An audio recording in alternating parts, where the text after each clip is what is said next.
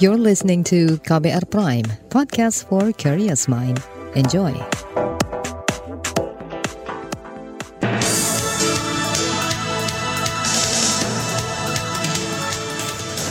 Selamat pagi saudara, senang sekali bisa menjumpai Anda kembali melalui program Buletin Pagi edisi Jumat 27 Mei 2022. Saya Malika. Sejumlah informasi pilihan telah kami siapkan di antaranya pentingnya deteksi dini dan mitigasi paham radikalisme di perguruan tinggi. Pandemi melandai, Jokowi harap aktivitas seni dan budaya kembali meningkat.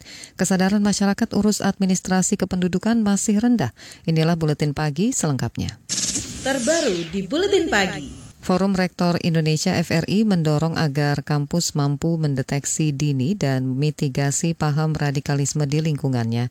Hal itu disampaikan Ketua Forum Rektor Indonesia Panut Mulyono usai Detasemen Khusus 88 Mabes Polri menangkap IA, terduga teroris yang merupakan mahasiswa hubungan internasional Universitas Brawijaya Malang Rabu lalu.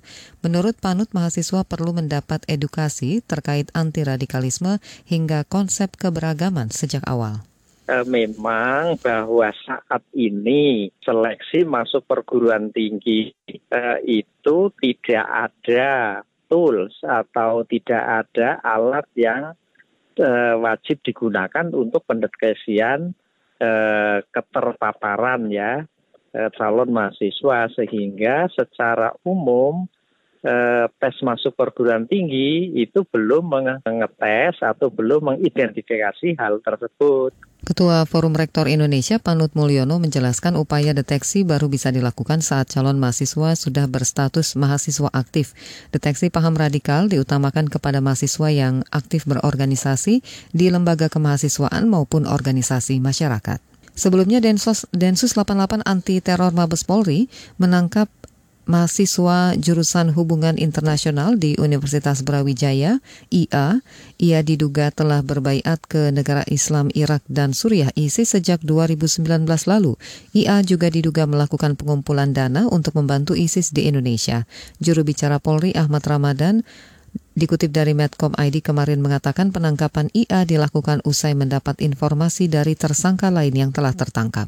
Ya ini hasil dari penyelidikan dan penyidikan yang dilakukan oleh Densus 88. Tentu juga mendapat informasi dari beberapa tersangka yang telah diamankan. Juru bicara Polri Ahmad Ramadan mengungkapkan IA menjadi pelaku dan admin di sebuah grup uh, media sosial berperan membuat dan membagikan video dan artikel terkait dengan perkembangan ISIS sejak Desember 2019. Ia juga kerap melakukan beberapa kajian daring tentang ISIS lewat medsos. Selain itu, IA juga menggelar pelatihan memanah di beberapa tempat dan melakukan latihan menembak dengan senjata laras panjang. Menanggapi penangkapan IA, Rektorat Universitas Brawijaya mengatakan pemberian sanksi kepada IA menunggu sampai status hukum mahasiswa terduga teroris itu inkrah. Menurut Wakil Rektor Bidang Kemahasiswaan, Abdul Hakim, kampus akan memberikan sanksi etik sesuai peraturan universitas jika terbukti bersalah dan terlibat terorisme. Pertimbangan untuk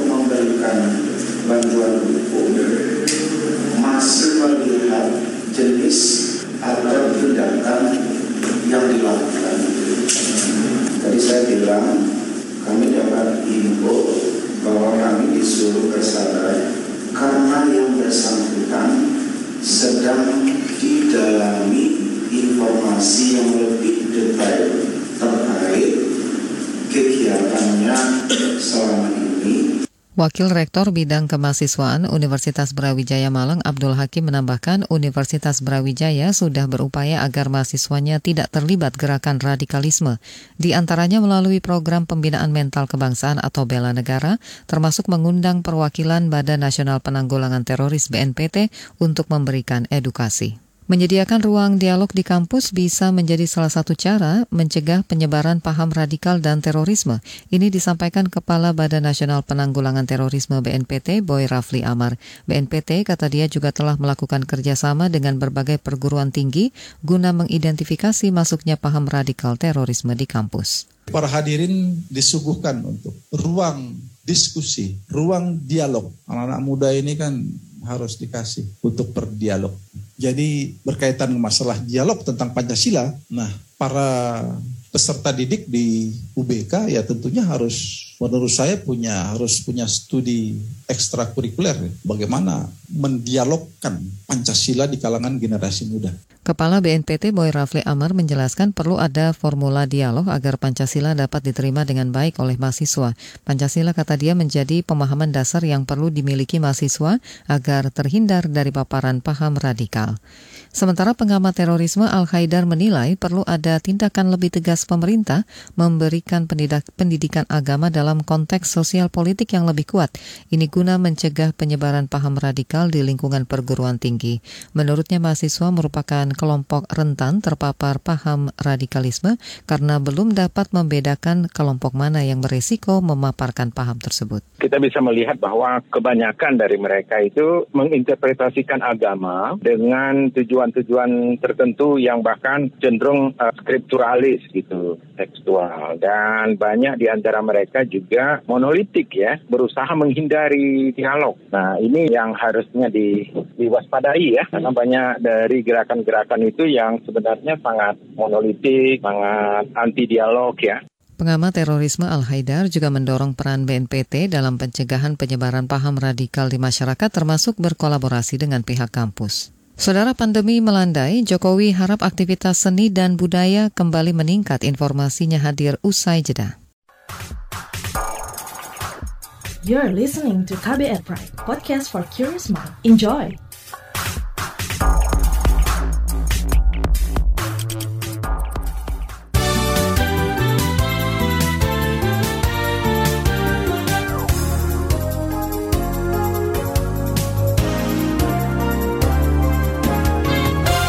Saudara Presiden Joko Widodo berharap melandainya pandemi COVID-19 bisa menjadi momentum bangkitnya aktivitas seni dan budaya setelah terhenti selama dua tahun.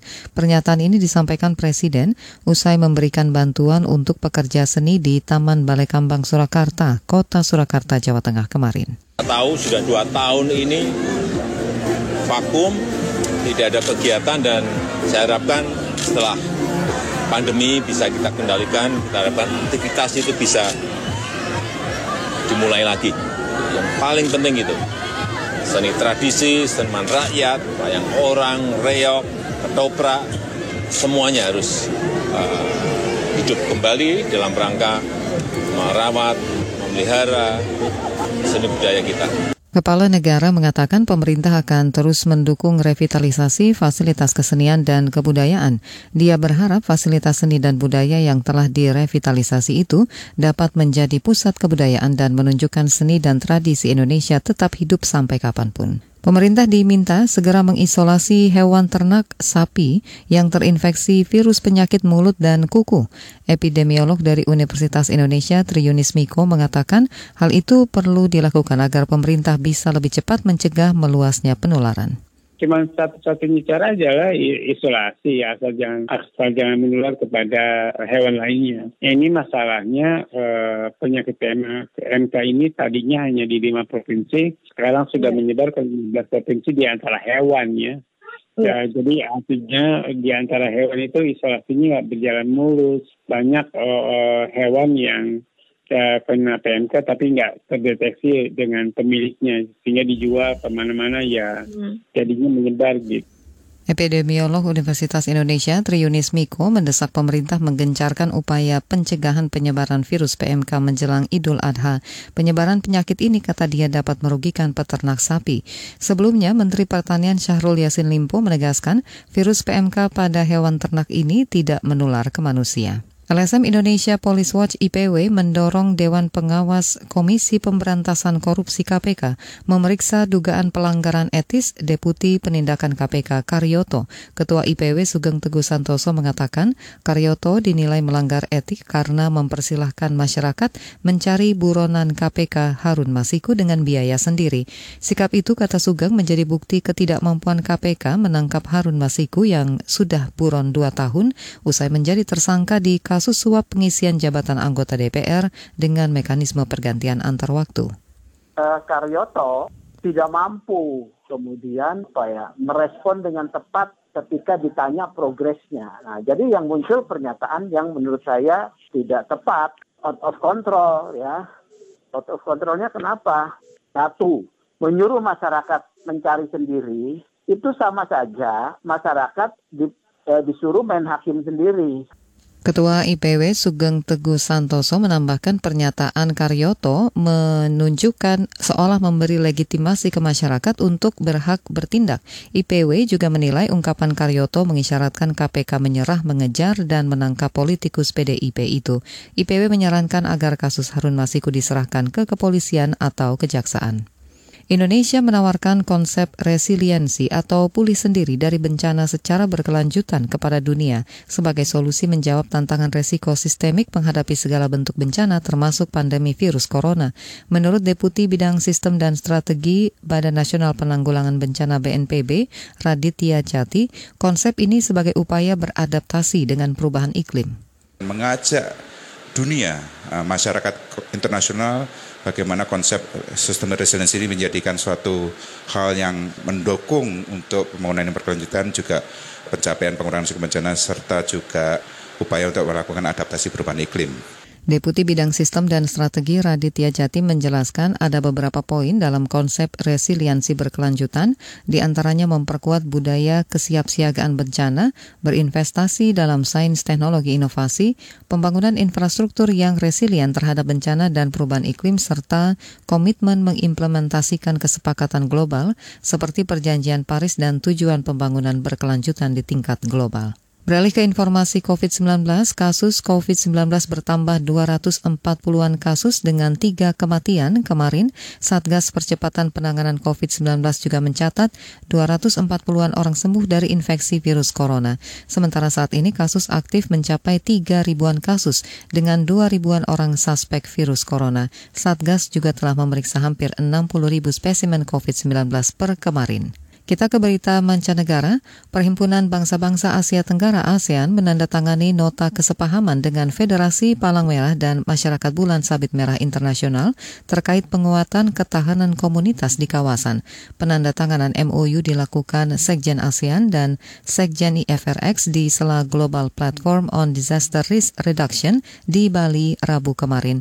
Nota kesepahaman mencakup manajemen bencana, pengurangan resiko bencana, undang-undang bencana, kesehatan dalam keadaan darurat, bantuan bencana dan tanggap darurat, gender, pemuda, dan perubahan iklim. Dikutip dari antara MOU menjadi tonggak penting kerjasama ASEAN dan IFRC yang telah mendukung Komite ASEAN untuk manajemen bencana dalam implementasi perjanjian ASEAN tentang manajemen bencana dan tanggap darurat dan program kerjanya. Kita ke berita olahraga, pelatih Liverpool Jurgen Klopp membuka peluang menurunkan Thiago Alcantara di partai final Liga Champions menghadapi Real Madrid Sabtu waktu Prancis. Klopp juga menyebut Thiago telah mengikuti sesi latihan. Thiago sebelumnya mengalami cedera pada pergelangan kaki saat menghadapi Wolves minggu lalu. Laga Liverpool melawan Real Madrid akan berlangsung di Stadion Parc des Princes Paris pada Sabtu mendatang. Informasi dari mancanegara akan hadir usai jeda. Sebelum itu kita akan menyimak laporan khas KBR bertajuk mendorong partisipasi masyarakat dalam revisi Omnibus Law. Tetaplah di Buletin Pagi KBR. You're listening to KBR Pride, podcast for curious mind. Enjoy!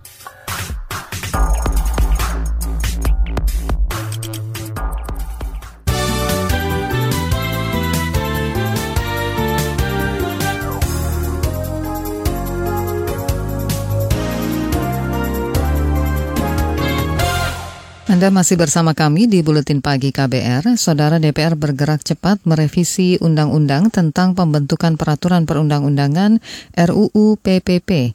Undang-undang ini bakal menjadi landasan hukum Undang-Undang Omnibus Law Cipta Kerja yang diputus inkonstitusional bersyarat oleh Mahkamah Konstitusi. Lantas apakah pembahasan Omnibus Law Cipta Kerja akan lebih partisipatif usai revisi ini? Berikut laporan yang disusun jurnalis KBR Astri Septiani. Akhir tahun lalu, Mahkamah Konstitusi menyatakan proses pembentukan Undang-Undang Cipta Kerja cacat formil karena tidak sesuai konstitusi. Mahkamah memerintahkan DPR dan pemerintah memperbaiki undang-undang itu dengan memenuhi asas keterbukaan dan partisipasi masyarakat yang maksimal. Hakim Konstitusi Anwar Usman mengatakan, Undang-Undang Cipta Kerja tidak akan memiliki kekuatan hukum yang mengikat jika tidak diperbaiki dua tahun sejak putusan diucapkan. Memerintahkan kepada pembentuk undang-undang untuk melakukan perbaikan dalam jangka waktu paling lama dua tahun sejak putusan ini diucapkan. Apabila dalam tenggang waktu tersebut tidak dilakukan perbaikan, maka Undang-Undang Nomor 11 Tahun 2020 tentang Cipta Kerja, Lembaran Negara Republik Indonesia tahun 2020 nomor 245 tambahan lembaran negara Republik Indonesia nomor 6573 menjadi inkonstitusional secara permanen. Hakim Konstitusi Anwar Usman menambahkan, apabila dalam waktu dua tahun Undang-Undang Cipta Kerja tidak selesai, maka pasal-pasal yang sebelumnya dicabut atau diubah dalam Omnibus Law harus dinyatakan berlaku kembali. Selain itu, MK juga memerintahkan segala kebijakan yang bersifat strategis dan berdampak luas terkait aturan Omnibus Law agar ditangguhkan. Peraturan pelaksana dari Omnibus Law juga tidak boleh diterbitkan. Meski begitu, Undang-Undang Cipta Kerja masih berlaku sepanjang masa perbaikan. Asosiasi Serikat Pekerja Indonesia atau Aspek Indonesia mendesak pemerintah memperhatikan nasib pekerja yang dinilai semakin kehilangan kepastian jaminan pekerjaan, jaminan upah layak, dan jaminan sosial. Presiden Aspek Indonesia Mira Sumirat mengatakan pada peringatan Hari Buruh Internasional tanggal 1 Mei lalu, para buruh menilai kebijakan pemerintah masih belum berpihak terhadap perlindungan nasib pekerja. Mirah menyebut hal itu terlihat dari kebijakan pemberlakuan Omnibus Law Cipta Kerja meski sudah dinyatakan inkonstitusional. MK telah memutuskan bahwa Undang-Undang Cipta Kerja Omnibus Law itu inkonstitusional, namun ada namunnya. DPR juga sedang merevisi undang-undang yang terkait dengan pembuatan perundang-undangan. Dugaan kami ini dalam rangka untuk bisa memuluskan Undang-Undang Cipta Kerja uh, supaya tadi tidak lagi uh, persyaratan perundang-undangan salah satunya adalah uh, memenuhi atau menerima aspirasi publik gitu ya.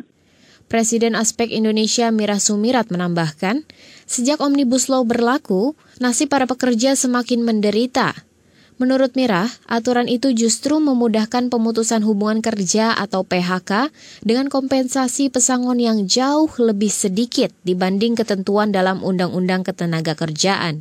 Selain itu, regulasi juga berdampak kepada aksi PHK massal di seluruh Indonesia dengan dalih efisiensi perusahaan. Kata Mirah, dampak merugikan Undang-Undang Cipta Kerja juga menyangkut soal penetapan upah minimum yang dianggap melenggangkan politik upah murah di Indonesia. Di pihak lain, Partai Buruh serta elemen serikat buruh yang diketuai Said Iqbal berencana melakukan aksi besar-besaran. Mereka bakal mengajukan uji materi terhadap Undang-Undang Pembentukan Peraturan Perundang-undangan atau UU P3 yang baru saja direvisi oleh DPR. Para buruh menganggap revisi Undang-Undang Peraturan Pembuatan Perundang-undangan hanya akal-akalan hukum agar Omnibus Law Undang-Undang Cipta Kerja bisa dilanjutkan pembahasannya dan bisa segera disahkan. Sementara itu, Ketua Departemen Hukum Tata Negara Universitas Gajah Mada Zainal Arifin Mohtar menilai revisi Undang-Undang P3 hanya seakan membenarkan bahwa sudah dilakukan unsur partisipasi publik seperti yang diamanatkan MK. Namun kata dia, hal tersebut sebenarnya belum terwujud dijelaskan itu in konteks bahwa masukannya itu kenapa diterima dan kenapa tidak diterima. Itu harusnya dijelaskan. Sayangnya di perbaikan Undang-Undang Cipta Kerja, maksud saya perbaikan Undang-Undang Pembentukan Peraturan Perundang-undangan ya yang tadi kita bicarakan ini, ini pun tidak dibicarakan dengan detail. Padahal harusnya ada perbincangan yang mendalam. Apa sih maksudnya didengarkan? Dalam konteks apa didengarkan? Apakah hanya dalam bentuk rapat dengar pendapat umum ataupun masukan masyarakat itu dibuka secara luas, langsung bisa masuk. Pemerintah menegaskan revisi Undang-Undang Pembuatan Peraturan Perundang-undangan merupakan tindak lanjut dari respon DPR dan pemerintah terhadap putusan Mahkamah Konstitusi terkait Undang-Undang Cipta Kerja.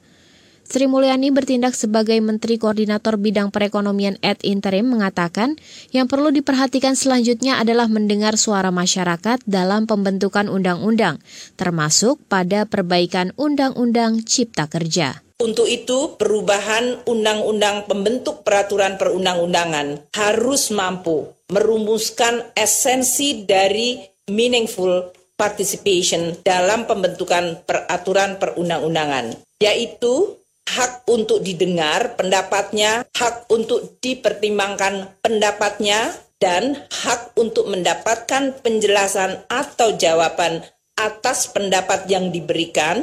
Demikian laporan khas KBR, saya Astri Septiani. You're listening to KBR Pride, podcast for curious mind. Enjoy!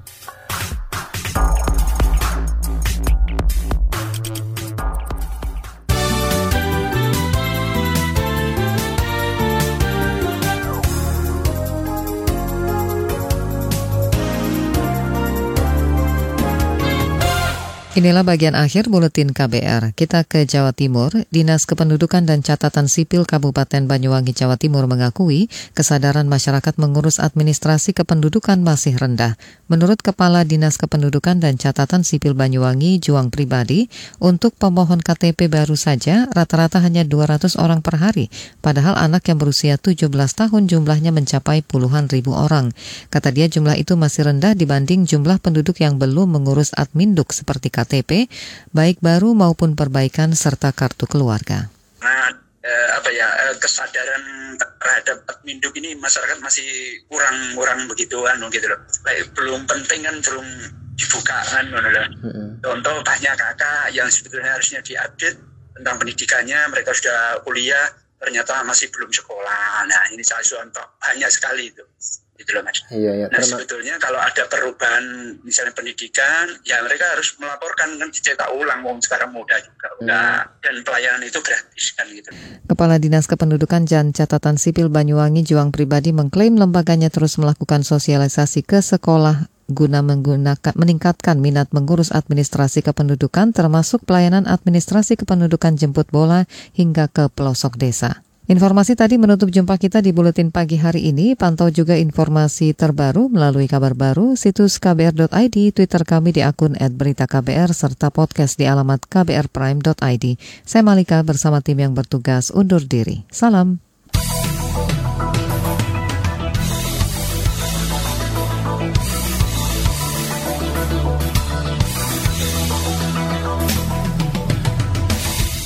KBR Prime, cara asik mendengar berita. KBR Prime, podcast for curious mind.